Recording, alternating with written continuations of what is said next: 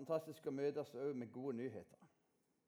Hver gang vi møtes til en gudstjeneste, Jesu navn osv., så, videre, så møtes vi med gode nyheter. Verden er full av dårlige nyheter. Men vi har alltid gode nyheter. Den største nyheten av alt er at Jesus ga sitt liv for alle mennesker, for at du og meg skulle få evig liv. For så høyt har Gud elsket verden. Verden! For så høyt har Gud elsket verdens mennesker. Uansett hvem du er, hva du har gjort. Kan ha gjort mye dumt, kan ha myrda noen, du kan ha gjort så mye galt og dumt som, bare, som bare det. Gud elsker verden, verdens mennesker, så høyt at han ga sin egen sønn for hver den som tror på ham, ikke skal fortapes, men har evig liv. Tenk på det. Det er en evighet i vente der framme. Hva er du på vei hen? Livet har to utganger. Du må velge. Jeg har valgt livet, evigheten, med Han. Fantastisk. Vi lever i tida mellom påsken og pinsen. Ikke sant? Vi har just tatt påske på vei mot pinsen. Eh, I disse her 40 dagene mellom påskedag og Jesu himmelfart så står det at Jesus åpenbarte seg levende for sine disipler minst ti ganger.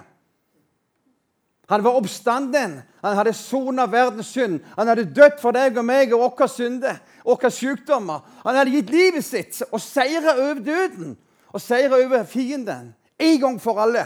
Han tok et endelig oppgjør med fienden vår. Døden, sykdommene, synden en gang for alle. Ett offer var nok. Mannen på korset tok alt på seg. Og du og meg kan gå fri for evig liv. Fantastisk. Og I disse her dagene så åpenbarer seg gang på gang. Og så kommer Kristi himmelfartsdag. Og Den er beskrevet så fantastisk i Lukas' evangeliet.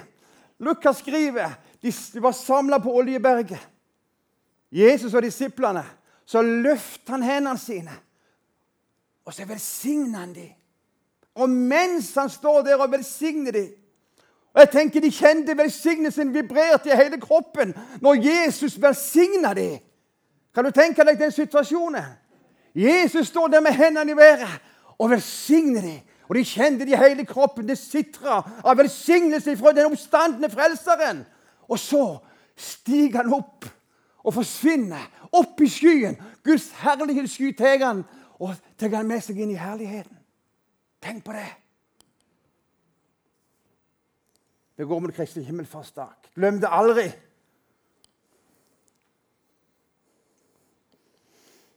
Men han kommer igjen og igjen og velsigne og åpenbarer. Bibelen sier til meg han skal komme igjen. På samme måte som han forlot denne verden, skal han komme igjen på to måter. Den første måten han kommer Bibelen beskriver det som en bortrykkelse. Bortrykkelse. Da leser jeg Tessalonika-brev osv. Jesus kommer på skyen. Og de som lever på det tidspunktet, skal bli forvandla og rykke opp i skyen og møte han i skyen. Men før den tid nå skal gravene åpne seg over hele verden, og mennesker skal strømme opp, bli forvandla sammen med de som lever. De som er døde, og de som lever, skal opp i himmelen og møte han i skyen. Tror du på Bibelen? Jeg tror på det. Det er ganske sterke ord. Det er ganske sterke bilder. Det er ganske sterkt å forestille deg. En forvandling som ryster hele jorda, og gravene åpner seg. Mennesker blir forvandla. Oppifra sjøen til meg kommer det mennesker med sin grav i sjøen, i vannet. Tenk på det den dagen. Og hvis du og meg lever da, ingen vet det, så skal vi bli forvandla i ett nu og reise opp til Han og få være sammen med Han for alltid. Hans andre komme på Oljeberget er også beskrevet i Sakarias, Esekiel, flere steder i Bibelen, Gamle testamentet. Han kommer og lander og setter sine føtter på Oljeberget, og det deler seg i to. Og alle hellige er med han. Og Senere står det skal bli en ny himmel og en ny jord, og havet ikke mer, osv. Enorme ting. Enorme ting. Masse prekener i seg sjøl, alt det her. Men i dag så skal jeg tale om noe som dere kjenner til. men litt an annerledes. Jeg så nemlig noe nytt denne påsken. Det er bra å se noe nytt av og til, Palma. ikke sant? Jeg skal dele med dere denne historien om Emmaus-vandrerne. Veldig interessant historie. Og Lukas 24 beskriver den så godt.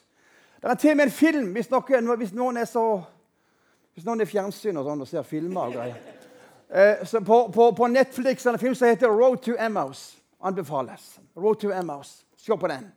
En veldig kort film på halv time beskriver Emmaus-vandrerne på en fantastisk måte. Og Det er en herlig historie. Men jeg så noe nytt. Jeg vet ikke om du kjenner til det, gjør du sikker. Hvis du har vært i Israel, så vet du det at det er ingen som med 100 sikkert kan si hvor Jesu grav var henne, og hva henne Golgata var henne. Så ingen som kan si det med 100% sikkerhet. Det er to plasser. ene plassen er en katolsk kirke reist opp og, og kalles oppstandelseskirke. Du kan gå inn der i byen i Jerusalem, og noen vil si at her var det. Og så kan du gå på den andre plassen som veldig mange av oss har vært og liker veldig godt. Gravhagen, Gordons Golgata, oppkalt etter Charles Gordon, en engelskmann som fant denne fantastiske gravhagen. Mange har vært der, sittende og åpna grava. He's not here, he's risen, osv. Men ingen vet 100 sikkert hvor henne grava var. henne. Har du tenkt over det? Jeg tror det var fordi at Jesus ikke ville vi skulle komme til å tilbe ei tomme grav. Og tilbe den døde. For han lever jo! Jesus L, sier de i Ungarn. Ungdom i oppdrag. Ungarn. Jesus L. Jeg sier det seks ungdommer fra Ungdom i oppdrag her. Gi dem en klapp. Ungdom i oppdrag. Veldig bra folk. De er rundt og evangeliserer her. Ungdom med oppdrag, sier de i Danmark. ikke sant? OM. Men det er herlige folk som er ute med evangeliet. Ingen vet med sikkerhet hvor det var han døde henne, eh, og hvor henne grava er henne. Jeg tror det er en hensikt. Og Det samme er med Emmaus. Visste du det at eh, det er fire steder som de tror kan ha vært Emmaus? Bibelen sier at det var, eh, var det sju stadier. Det står ca. 11 km fra Jerusalem. Det var Emmaus. Emmaus betyr varme kilder. Og Flere har forsøkt å finne plassen hvor henne var Emmaus. henne. Og De har funnet fire plasser, for de tror kanskje en av dem var Emmaus. Men ingen vet det sikkert. Hva det var henne. Det er mange andre plasser de vet hvor, hvor ting skjedde henne. Men ikke Emmaus. Hvor var det byen henne? Landsbyen henne? Ingen vet det. Og denne påsken så var det som jeg så det på nytt. Vet du hva før? Jeg vet ikke om det er sant. Jeg jeg holdt på å si. Jeg vet ikke om min tolking er rett. altså. Ta det for det du vil. Men min tolking er det. Jeg tror det er at Emmaus-vandrerne, det er du og meg. Det er din vei, det er min vei. Det er din Emmaus-vei, det er min Emmaus-vei. Han fører til at du og meg er på vei. For det er livet vårt er et liv fra vugge til grav. Og hvor er du hen i dag? Noen er unge, noen er kommet lenger osv. Men på forskjellige stadier og opplever livet på forskjellige måter. Emmausvandrerne er et bilde på livet. Det er et bilde på livet. Bare studer det, så skal du se. Det er et bilde på livet som du og meg lever. På ulike måter. Noen har vært heldige i livet. De har fått masse goder å leve på herlighet og glede. holdt jeg på å si. Andre har det tøffere i livet. Det er mange forskjellige måter å leve dette her livet på. Men Emmaus-veien er på en måte veien vi vandrer med Gud. Det er veien du og meg vandrer.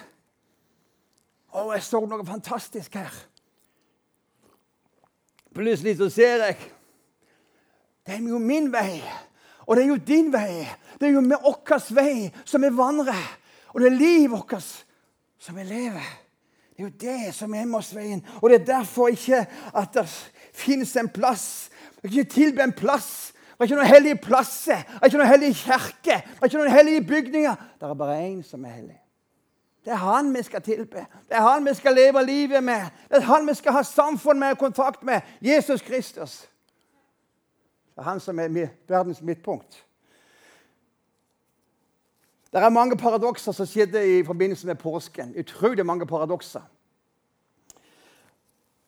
Og En av de største paradoksene er at ingen av de tilstedeværende samtidig forsto hva som skjedde. Tenk på det! Her kommer Guds sønn. Gud sender sin egen sønn til verden for å gi sitt liv for deg og meg, som at du og meg skal gå fri og få evig liv hvis vi tar imot han og tror på han Johannes 1,12. Alle de som tok imot Jesus, ga han retten. På engelsk 'the power to become a child of God'. Han ga han retten til å bli Guds barn. De som tar imot han, blir født på ny. Ut av mørket, ut av det gamle livet, inn i Guds rike. Det er sterke saker. Bli født på ny. Du verden. Det går an i dag. Det er sterke saker. Men ingen forsto det da han gikk rundt der iblant dem. Jeg trodde han var en helt slags politisk leder. etter sånn. De forsto ikke hvem han var, og de forsto ikke hva som hendte. Det så så fornedrende ut. Det så så fattigslig ut. Der han kom med, han som hadde sagt han var Guds sønn, og ditt og datt. Her henger han på kors i fornedrelse. Og det her ender jo med forferdelse. Det ender jo med Det er en tragedie, hele greia. De forsto ikke hva som hendte på korset. De skjønte det ikke. Men det var der han tok hele poenget. Det var der han dunka djevelens sjel i hodet en gang for alle. Kvinnens sæd skal knuse slangens hode. Han tok seieren på korset. Han vant en evig seier for deg og meg. Det så så fattigslig ut, men det var triumf til tusen. Det var seier. Og du og meg er med i seierstoget. Visste du det? Vi er ikke med på tapende laget. Jeg har tapt noen kamper jeg òg, i fotball og sånn. Jeg greier på å være på seierslaget. Ja, det, det andre paradokset er at alle svikta. Ingen forsto, alle svikta. Alle svikta jo! Hvem er Peter, den store Peter? Ja, her om alle de andre svikter. Når jeg ser på denne gjengen her, ja, Du kan ikke regne med alle dem, men meg kan du regne med. Meg kan du regne med, sier Peter. Men den gjengen der, altså, det er jeg ikke sikker på. Vet du hvor de svikter alle i hop? Peter inklusive. Tre ganger fornekta han at han kjente Jesus. Så Peter, disiplene, øverste prestene, svikta. Og uvillig til, til, til pisking og korsfestelse. Pilatus han, han tok av sine hender og svikta. Feigingen sjøl. Det er mange feiginger i, i dag òg. Feige folk som egentlig vet de burde tatt imot Jesus og blitt frelst. Men de tok av sine hender, som Pilatus. Han tok av sine hender. Han så den mannen der er, urett, er urettferdig behandla, urettferdig dømt. Han er uskyldig. Og han tok av sine hender som han fikk sår i neven, tror jeg. Men det hjalp ikke noen ting. Han var ikke tøff nok å stå fram og si 'yes'. Det, det, det vi tror når vi skal bli frelst, vet du, det er tror, tro, Hva vil vennene si? Hva vil familien si? Hva vil den si, den si hvis jeg nå blir frelst? Jeg husker selv jeg undres veldig på det. Vet dere hva? Det var ikke en som sa et ord. Ikke en som åpna munnen. De fikk respekt for min avgjørelse. Og de kunne bare prøvd seg på noe annet. Jeg vet hvem jeg tror på, folkens. Det gjør dere òg, ikke sant? Abrøy, abrøy. Bare la de komme. Yes! De svikter alle i hop. Men tilbake til Emmaus-vandrerne. To av disiplene til Jesus de går, Lukas 24, du har sikkert teksten her til hvert. To av Jesu disipler er på vei fra Jerusalem påskedags ettermiddag. Og de snakker sammen om alt det som er hendt i påsken. Og mens de går der Full av forvirring. Full av frustrasjon. Hva som var som egentlig hendte? Hva er det som egentlig skjedde der inne i, i byen, som de nå forlot? De var fulle av forvirring. De forsto ingenting. Og til meg, vet du hva som skjedde denne morgenen. Det er noen kvinnfolk som har vært med grav og ser at graven er tom. De gjorde de enda mer forvirra. Og så går de der i sin egen tanke, i sin egen verden, på Emmausveien på Emmausveien. Tenk at du går der, i din situasjon. Og Mens de går der og samtaler sammen, og mange finner ofte sammen i sånne situasjoner Hvis du er motløs, så treffer du en annen som er motløs, og har det vondt der, så treffer du en annen som er vondt på samme plass. Eller, du blir gående sammen på en måte i samme duren. Og så går de der på Emmausveien. Og plutselig så kommer det en mann opp og ser jo der. Og Det fantastiske er det. Det er Jesus Kristus. Den oppstandende. Men de ser ikke at det er han. Og Der er det et poeng som du og jeg skal bytte merke i. Jesus er nærmere enn du tror. Jesus er nærmere enn du tror, og noen ganger kommer han i skikkelser. Du kunne aldri sagt det var Jesus, men det er Jesus sjøl som kommer. Han kommer der i sitt oppstandelseslegeme. De, de, de skjønte ikke at det var han, men det var Jesus. Og så er han så fantastisk. Han gjør seg dum, kan du si. Han gjør seg uvitende. Og så er det dere går her og snakker om. Og De blir helt sjokkert. Er du den eneste her som, eh, som ikke skjønner hva som har skjedd nå i påsken? Har du ikke fått det med deg? De siste dagenes begivenheter. Hvem er du, liksom? Hvor bor du hen? Er du helt ute i gokken? Hvem er du, på en måte? Som ikke følger med hva som har skjedd? Hva, hva, hva, mener dere, liksom? Hva mener dere? Hva er det snakk om? Ja, Jesus fra Nasaret. Vi trodde han var kommet for å liksom organisere riket for Israel og mange, mange ting. Og vi, vi er så forvirra. Og etter samtalens løp så kom det til et, et, et, en plass der så sier Jesus Hvor uforstandige dere er! Og hvor trege av hjerte til å tro alt det som profetene har talt. Måtte ikke Kristus lide alt dette og så gå inn til sin herlighet? Og så begynner han. Legg merke til hva han gjør. Han kommer der. Han viser ikke hvem han er. Han gjør seg litt dum, for å si det sånt. Og han ber dem og forteller.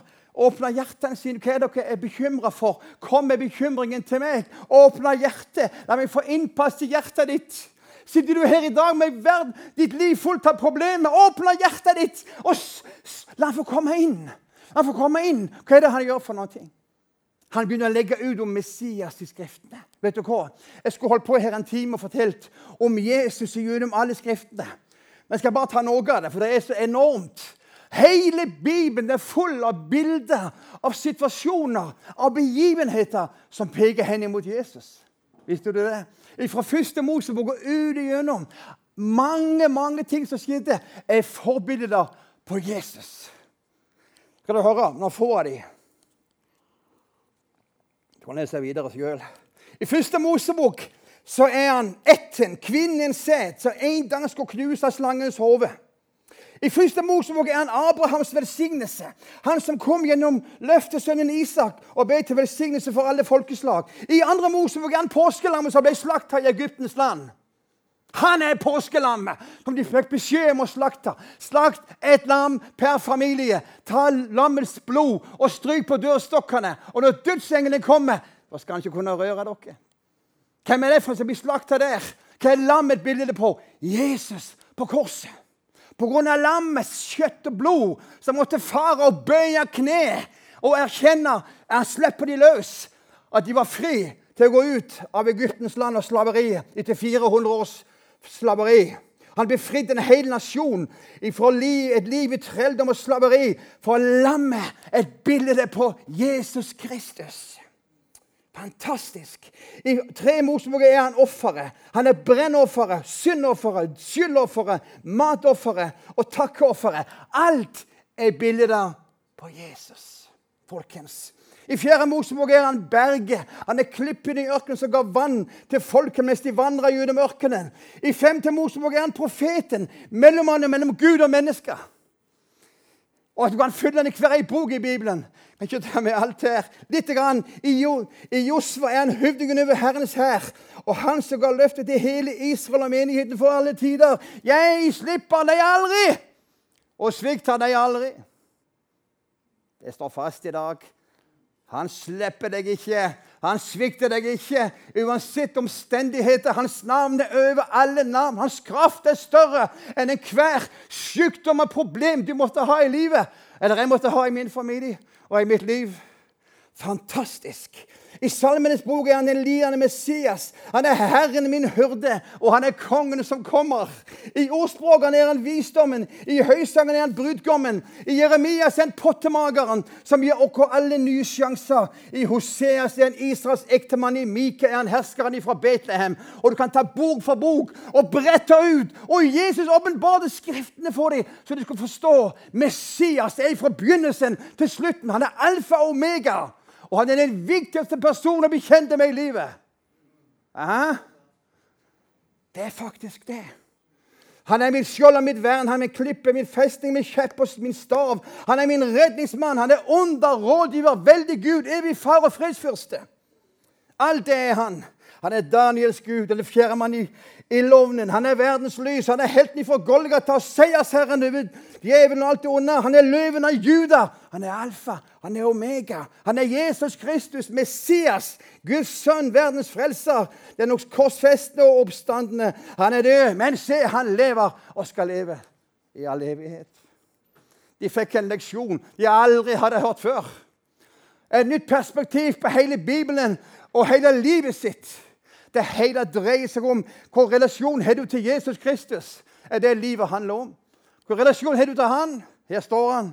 De skjønte ikke hvem det var. Han legger ut skriftene for dem, så det brenner i hjertene deres.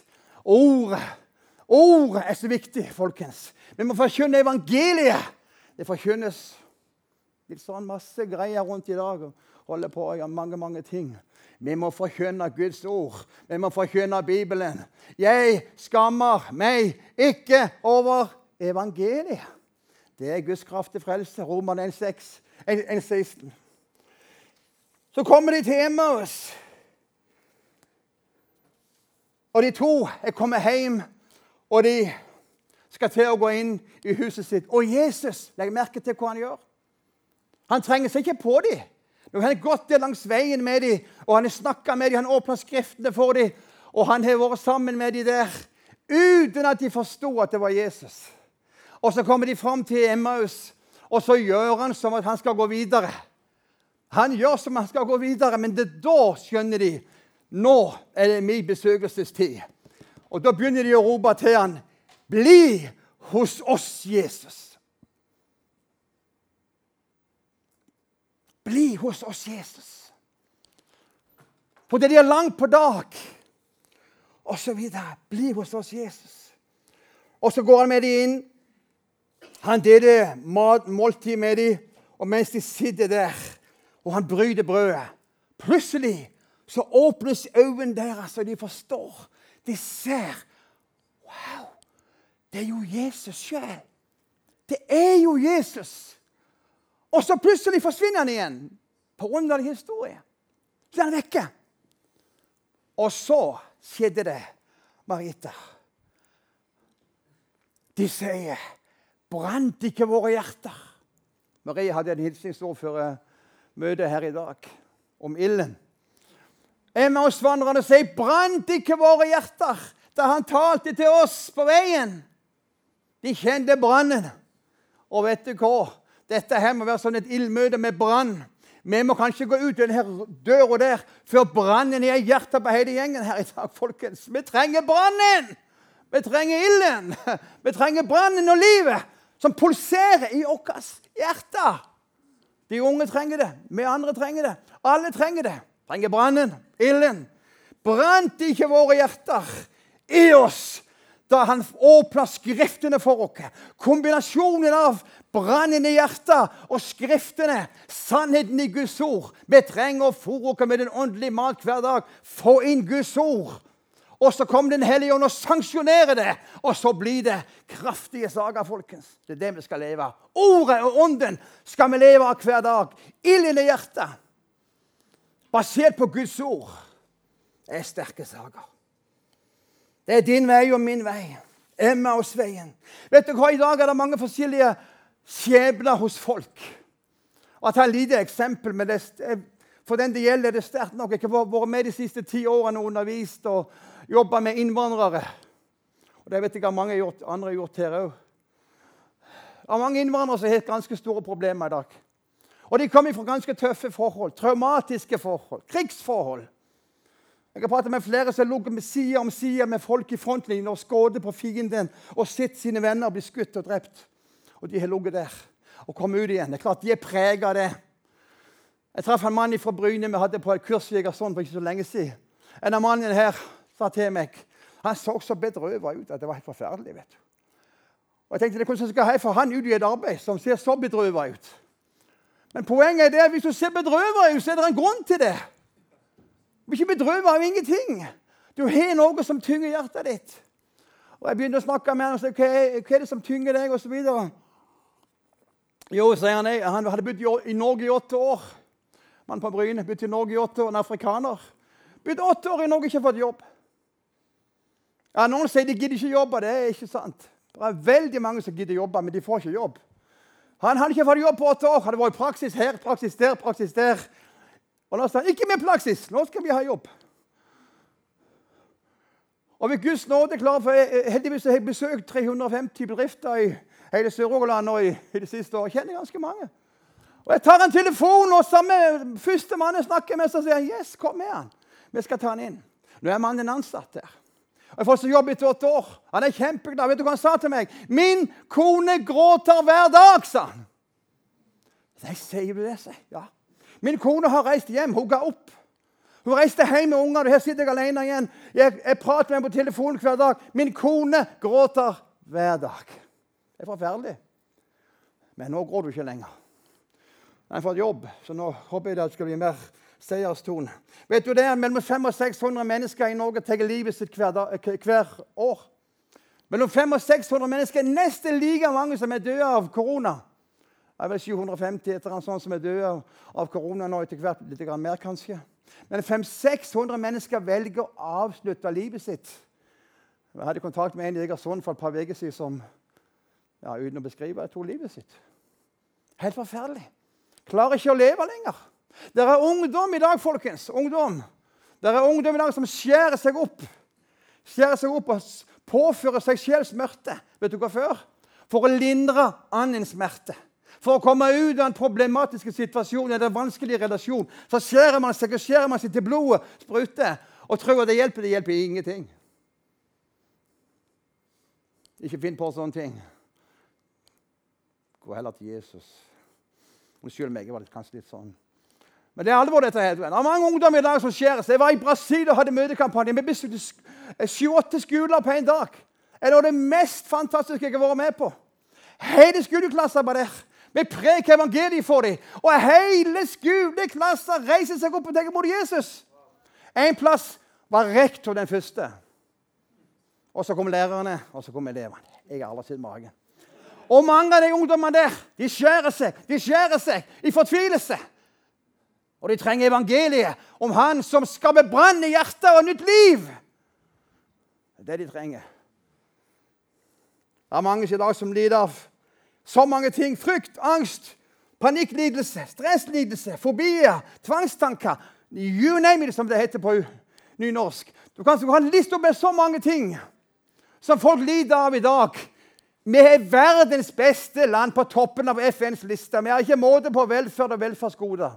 Men like fullt er det så mye sosiale og helsemessige problemer i folket. Og det er ikke å kimse av. Men det er å ta på alvor og si kanskje det er et alternativ for den situasjonen du har og du er i. Kanskje det er et alternativ. Ja, men til meg en annen gruppe også, som jeg har truffet og snakket med mer og mer i det siste. Det er utrolig mange mennesker som er skuffa og såra i menighetssammenheng. Det er faktisk et ganske stort problem i Norge. Og vi snakker ingenting om det. I denne bygda her, i hele Norges bygder og byer Jeg vil påstå, kanskje Jeg tar feil. Jeg vil påstå at det er kanskje en større menighet utenfor menighetsbygningen enn det er her inne i lokalet. F.eks. her på Haua. Det er mange som er såra og skuffa. Er det noen som vil gå og besøke dem? Er det noen som vil gå og hente dem? Det var en sang her om hyrden som forlot de 99 for å søke den ene. Tenk om du og meg hadde sagt Jeg skal sørge for å få tilbake én av dem hver. Og Hvis vi er 300 medlemmer, så kan du bare tenke deg hva vil skje i løpet av et år. Det vil skje en dobling av medlemstallet i denne menigheten. her. Det er ikke bare her, det er rundt alle veier. Det er så mange plasser at du finner at folk sitter hjemme. Og Det er ikke bare pinsemenigheter, det er kirke. Det, det, er så mange ting. Snakk med folk, og du får høre de var med i et barnekor, et ungdomskor, et speiderarbeid, et eller annet sånt. Hva er de hen i dag? Men mange er dessverre møtt folk som ikke har hatt bedre vet enn at de har skremt dem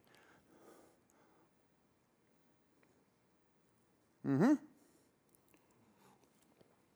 Det er sannheten, folkens. Jeg håper vi kan få en, en forandring på det i Norges land og i mange andre plasser. Emmausvandreren. Jesus trengte seg ikke på. Han går der og åpner Skriftene. Han går der til brannen, ilden, flammer i hjertene deres. Og de skjønner det at denne mannen er ikke en hvilken som helst mann. Han kommer inn, så åpenbarer seg, osv. Jeg tror Jesus er nærmere enn vi tror mange ganger. Jeg tror Jesus går midt iblant, og gudene vi er klar over det. Og han åpenbarer seg. Jeg husker første gang, første gang jeg var i Burkina Faso. Jeg var der elleve ganger og hatt kampanjer. Første gang jeg var i Burkina Faso. Hva er det, for, hva er det som gjør det så mye lettere å oppleve å se tegnet under i, i, i, Afrika og utlandet enn her hjemme? Hvorfor skjer det så lite i norske menigheter? Unnskyld meg, det er bra å høre 100 på ungdomsmøtet. alt det her. Det er kjempebra. Men vi må innrømme og bør ikke være fornøyd med, med tingenes tilstand. Jeg er iallfall ikke fornøyd med meg sjøl, først og fremst. Vi bør ikke være fornøyd med tingenes tilstand. Vi bør ha en begjær om å se ei bygd, et by, et land, og nasjon og kontinent forvandla. Bør vi ikke det? Er det for, er det for, er det for sterke ord? Jeg vet ikke. For, for meg er det iallfall ikke det. Jeg har ikke bestemt meg. Det får være enten-eller. Jeg vil ikke være en sånn en koselig predikant som liksom bare Ja, ja, ja. Jeg, jeg er ikke sånn. Palma, unnskyld meg. Du, du kjenner meg. Nei, jeg vil heller tåle på. Vet du hva jeg skal si, folkens? Behold dem på hjertet innenfor den levende Gud. Jeg tror ikke jeg har hatt en møtekampanje i Norge av de 30 landene jeg har besøkt med evangeliet, uten å se mennesker frelst. Uten å se mennesker helbrede. Uten å se mirakler skje. Hvorfor er det sånn ute? Kommer hjem her, så. Ja. Åh, det er frustrasjon, Steinar. Det er faktisk frustrasjon å oppleve det. Hvorfor er det sånn? Jeg tror det er mer for puslete, rett og slett. Det er godt du har kommet inn i gjengen her. Det skjer altfor lite, folkens. Og mer må skje. På, uh, la meg ta noen bibelord her. Hva er det som skal være fokus for oss som står her og preker, og oss som er samla alle sammen, egentlig? Det er først og fremst Guds ord.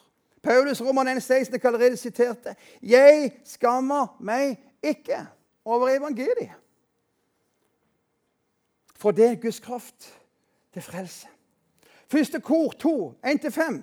Da jeg kom til dere brødre Dårlig med tekst her, men da jeg kom til dere brødre, kom jeg ikke med fremragende talekunst eller visdom og forkynte Guds vitnesbyrd for dere. For jeg var fast bestemt på at jeg ville ikke vite noe annet blant dere enn Jesus Kristus og ham korsfestet. Det er budskapet. Det er korset, det er blodet, det er døden, oppstandelsen. Det er seieren over det onde, det er seieren over synden, det er seieren over sykdommen. Det er det som er evangeliet. Og det er det som virker i Burkina Faso, i Benin, i India, i Ungarn. Det bør virke her hjemme òg nå snart. Hvis vi åpner opp for det og lar det få lov til å komme ut, og dere være åpne for det. Slipp løs Jesus. Slipp løs kraften i Den hellige ånd i menighetene i dag. Jeg tror ikke svaret er å bli lik verden for å vinne verden. De bare ler av. Svaret er å komme med noe annet som verden trenger. Trenger evangeliet. Trenger Jesus mer enn noe annet. Jeg var hos dere i svakhet, sier Paulus. I frykt og stor beven. Og min tale var ikke med overtalende ord fra menneskelig visdom, eh, men med ånds- og kraftsbevis for at deres tro ikke skulle være grunnet på menneskelig visdom, men på Guds kraft. Men han sa til meg, 'Min nåde er nok for deg, for min kraft blir fullendt til skrøpelighet.' Derfor, sier Paulus, vil jeg helst ikke rose meg av noe annet enn av Jesu Kristi kors, for hans, ha, hans kraft skal ha, ha, ha, rom i meg. Jeg tror vi må tilbake til Golgata som aldri før. Vi må tilbake til kjernen i evangeliet, kristendommens ABC, og forkynne ord om korset. Der er kraften. Det snakkes veldig mye fint annet, og det er mye som er viktig. Men vi må ikke glemme ordet om korset, for det er det som er kraften til frelse. Hvordan blir en menneske frelst i dag? Er det å komme inn i Betania og ha koselig møte her? på en konsert eller et møte eller et eller annet her. Nei. Det er ingen som blir frelst av å gå inn i en bygning. Det kan være veldig bra. altså, Ikke misforstå meg. Det kan være veldig bra i et arbeid å la folk komme og bli varme i trøya og bli kjent med saker og ting. Men folk blir ikke frelst uten å høre evangeliet. Troen kommer av forkynnelsen. Med hjertet tror vi til rettferdighet, og med munnen bekjenner vi til frelse. Romerne 10.10. Alle som tok imot Jesus. Hvordan ble Jan Terje frelst? Og jeg frelst? Du frelst? Jo, ved å høre evangeliet. Glem ikke stående på sofaen hjemme hos oss. Fantastisk. Mannen har jo gått rundt sånn halvfrelst i mange år. Du kan ikke bare være halvfrelst. ikke sant? Enten eller. Enten er frelst, eller så er vi ikke frelst. Du må høre evangeliet. For så høyt Gud elsker verden, han som skapte verden, han som er verdens, universets herre. Hans, en dag så sender han sin sønn Jesus Kristus. Og han kommer til denne verden, blir født i en stall i Betlehem i fornedrelse. Han vokser opp i byen Nasaret og blir kalt mannen fra Nasaret. Og 30 år gammel står han fram og sier 'Herrens ånd er over meg'. Han er fra, 'Jeg skal forkynne evangeliet for de fattige'. Jeg skal få blinde øyne åpne og døve ører til å høre, og de lamme skal gå. 30 år gammel proklamerer han i, i synagogen i Nasaret sin, sin, tjeneste.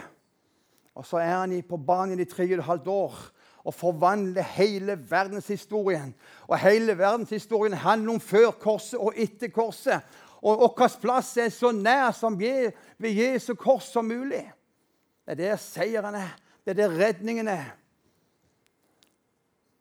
Jesus på korset, det er dårskapens evangelium.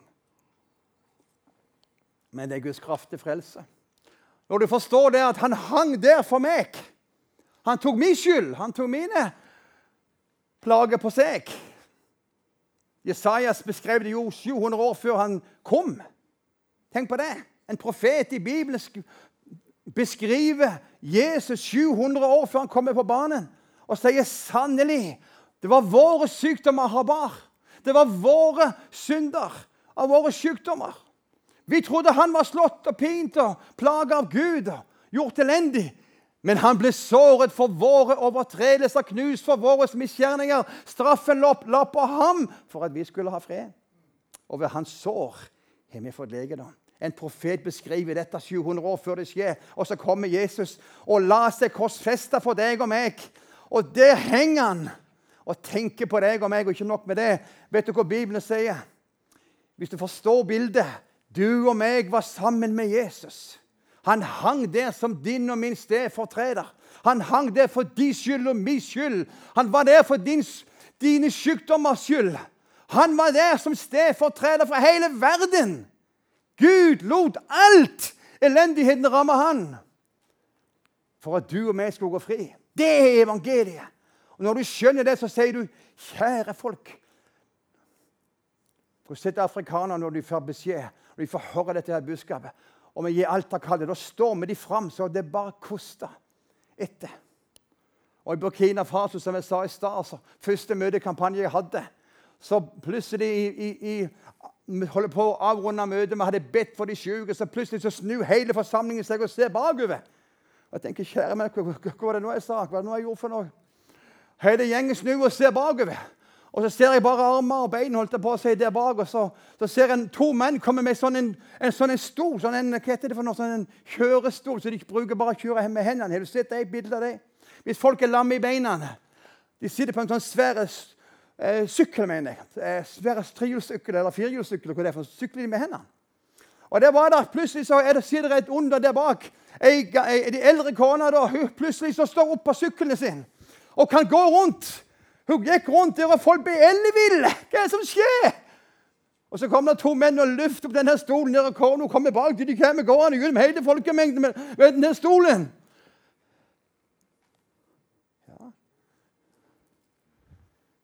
Hvorfor skjer det bare i utlandet?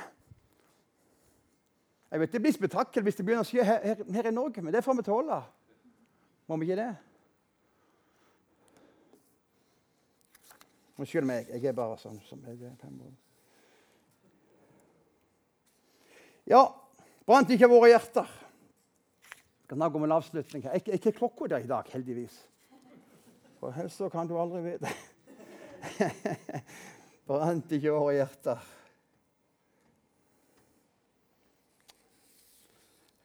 Jeg har lyst til, at Vi skal kanskje avslutte med å be.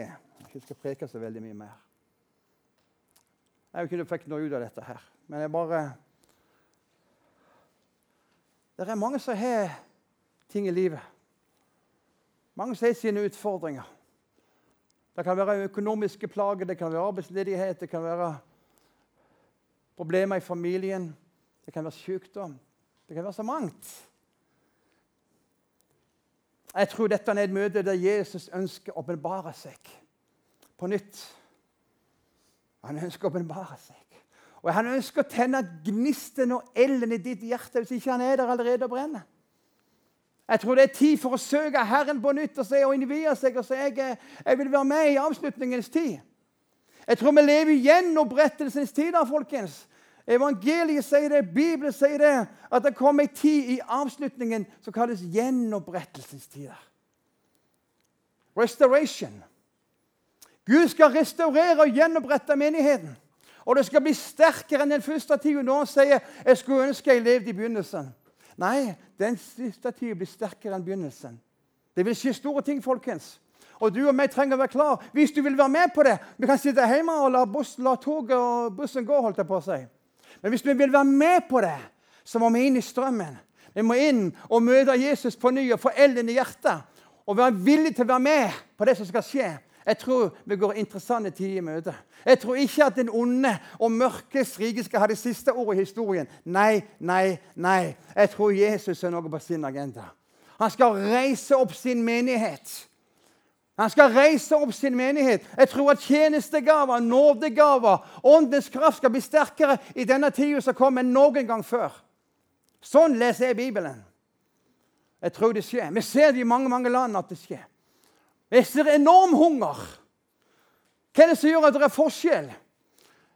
To ting ser jeg iallfall som er forskjell. Det ene er at det er en enorm hunger i mange, mange steder etter mer av Gud. Det er en hunger i folket. Jeg har holdt predikantseminar for hundrevis av mennesker. De, de, de, sitter bare og rister på, på stolen og vil ut og forkynne evangeliet mens de hører på. De blir så ivrige, de blir så inntatt av ordet. Fantastisk. De er vidåpne. Yes, kom igjen, vi vil ha mer.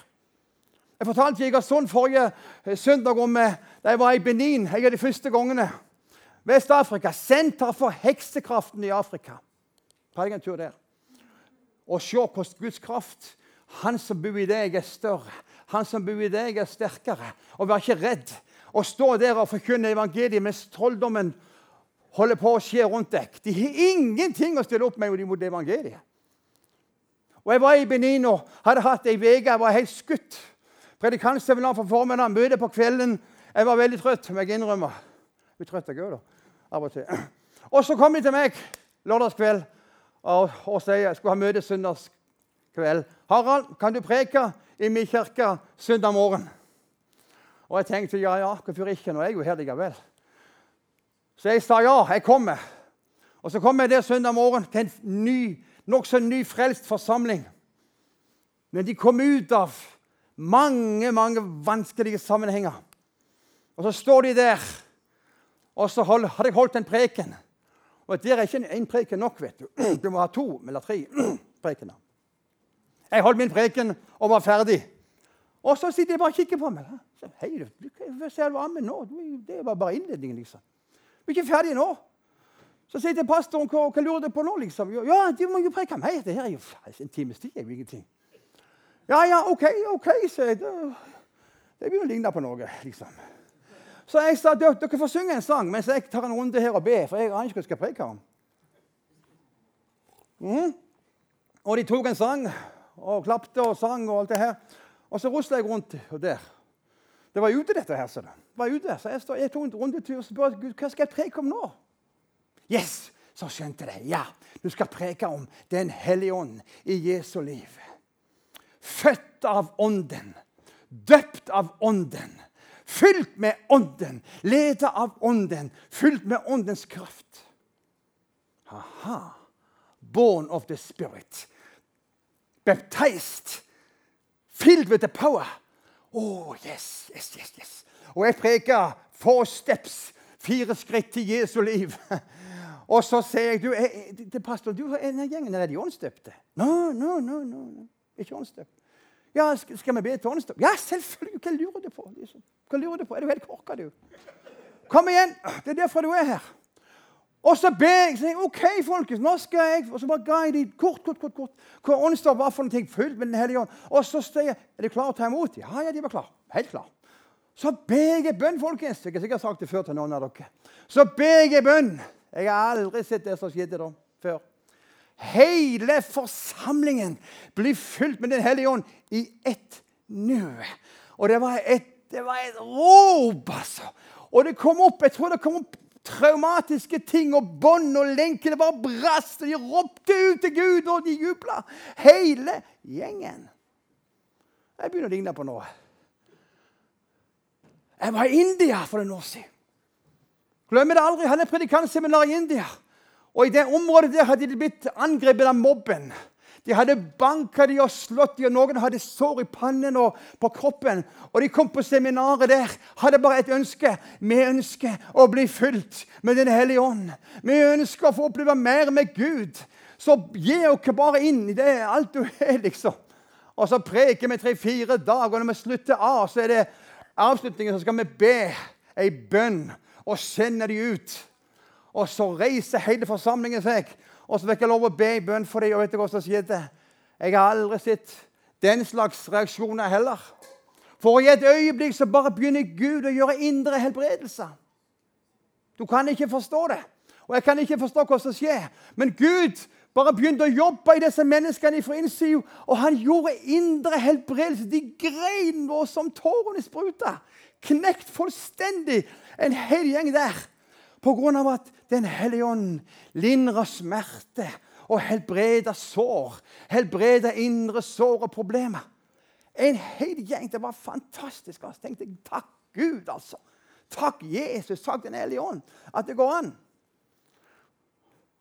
Og de nøter ikke, ikke reis hjem, du må bli her. Palme og meg har vært noen plasser de har sagt til dere vi ses i himmelen. Vi ses i himmelen, ja. Skal vi ta en avslutning her nå? Eh, hva er det han der med fyren med, med, med gitaren og, og kepsen og alt det her? La nå han synge noen fine sanger og fine korer for oss, folkens. Så, så bare slapper du av, og så la vi Gud gjøre sitt verk. Det kan vi snart avslutte. Hun er, hun er faktisk eh, Hun er bare 12-28, folkens. Det er ikke verst. Til å være skal jeg si dere. Så uh, Bra de har fått klokka her. 47, hva betyr det? Jeg har ikke preget 47. Nei, jeg tror ikke. Ta det fine koret, da. Stille, fine kor. Det som gjør forandringen og forvandlingen og alt mulig, det er Jesu nærvær. Når han er her, og han er her. Jeg trenger ikke rope på han eller be han komme fra. Han var her før oss, kan du si. Han er allestedsnærværende. Men la Jesus bli herliggjort når fokuset er på han. Når fokuset er på Jesus, når vi tilber han, så kan du noen ganger kjenne Wow, det skjer noe i hjertet ditt. Det skjer en berøring av han. Han kan få en sånn berøring. Han har stille fine kor, tilbedelseskor. Så kan du være med og tilbe Jesus. Du kan bare avslutte. Men vi skal be for folk. Hvis du sitter med et behov av en eller annen sort Hvis ikke du er frelst, så kan du bli frelst denne her søndag formiddag. Fantastisk anledning. Ta imot Jesus og få et helt nytt liv. Bibelen sier det gamle er forganget. Du kan bare sette strek på det gamle og si det er vekke. Alt skal bli nytt. Hvis du har det sånn som det er sånn Emmaus-vandrerne Kanskje du er nedtynga i sorg, kanskje du er nedtynga i problemer, personlige problemer eller vanskelige situasjoner i livet. Uansett. Jesus kan forvandle enhver situasjon. Det er en herlig sang på engelsk. All things are possible. Only believe. Allting er mulig, bare du tror. Det høres så lettvint ut. Men troen kan flytte fjell. Troen, Guds tro i ditt hjerte, kan virkelig gjøre store forandringer. Må Guds tro bare fylle dere denne formiddagen. Guds tro. La han fylle deg med, med hans egen tro. For den troen er ubegrensa. Det er ingen problem som er så stort, ikke hans tro og hans kraft og hans autoritet kan trenge igjennom og la problemet forsvinne i Jesu navn. Jeg var i Egypt for noen år siden. Hadde predikantseminar i Egypt. Det er så fantastisk når Jesus åpenbarer seg. Nå kom det ei dame som ønsker å bli bedt for. Hun hadde hjernesvulst som vokste. Voksende hjernesvulst. Hun visste bare det. Hvis ikke jeg får hjelp nå, så er jeg ferdig. Og De hadde ikke råd i familien. De hadde ikke penger i familien. De hadde ikke mulighet i familieressurser til å gå til legen og få hjelp. Og så kom hun der i sin desperasjon. Og vi ber for henne i Jesu navn. Jesus. La din Helligånds kraft og helbredende kraft gjennomstrømme denne kvinnen. Og la kreftsvulsten forsvinne i Jesu navn. Ja, jeg ber høyt av og til hvis det er behov for det. Så går det to-tre to, uker, så kommer jeg hjem og så får jeg en, en telefon fra Sverige fra min kamerat som er egypter og bor i Sverige. og Han ringer til meg han er helt i fyr og flamme. 'Harald, jeg har snakket med Egypt.' 'Å, er du det? Hvordan går det i Egypt?' 'Jo, kvinnen dere ba for, er helbreda.' Kreftsvulsten er null, niks, han er nulla ut. Hun er 100 helbreda. Det er mange sånne vitnesbyrd. Jeg vet ikke hva du har å stri med i dag. Noen har noe å stri med, det vet jeg. Men uansett skal vi gå ut herifra og la brennen, brannen være i hjertene våre. Og vi trenger å være i brann, folkens, for den tid vi lever. Vi skal være lys og salt i denne verden. Hmm. Det synger en fin sang her. Tilbedelseskor. Klarer vi det? ja. Skal vi stille? Skal vi reise og gå? Kan jeg bare spørre, Er det noen som er, vil være med i, for, vil, være med i bønn? Skal jeg be for noen, mener jeg? Skal jeg be for noen her i dag? Noen som har noe de vil, vil, bli bedt for på en eller annen måte? Ja, det er noen hender. Det er ikke mange, egentlig. OK, det er noen. Ikke for min skyld, men OK. Uansett. Vil vi, vil vi innvie oss på nytt og få la brannen brenne hjertene, da? Eller er det, er det så mye brann her fra før av at vi trenger ikke be noe for det? Så kan vi komme, kan vi komme fram, de som òg. Det er ikke noe håndspåleggelse og sånne ting. Det er ikke noe fare med å komme fram. Men som en innvielse, en beslutning, kan du komme fram hvis du vil. Vi er blant venner her. Helt stille og rolig søndag formiddag. Det er forresten ettermiddag, men så kan dere, dere forbedere òg her, Silvia og Kari kan være med og be. Ja. Vi kan be for dere. Yes! Ungdom i oppdrag som allerede er i, i fyr og flamme. Her kommer de. Er det ikke fantastisk? Jeg skal si dere det. Nå er det mest gripende. Kan jeg si det, Einar, uten at jeg sier noe galt? Jeg, jeg, var på et bønnemøte her i Betania for, for noen år siden. Jeg var til og med med å lede det bønnemøtet en tirsdag.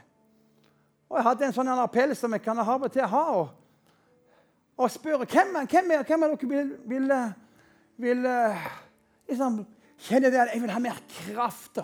Jeg vil bli en sterkere vitne for Jesus. Og vet du hvem som kom fram? Først av alle tror jeg var den eneste. Jan Bendiksen. Han kom fram. Eldstemann i forsamlingen kommer fram og sier, 'Harald, kan de be for meg?' Det var gripende, altså. Tenk dere det. Selveste Jan Bendiksen kommer her fram og sier 'jeg'. Han var sikkert 90, han var nærmere 90 år sikkert. Han ville ha det. Åh, kom med alle dere andre, da.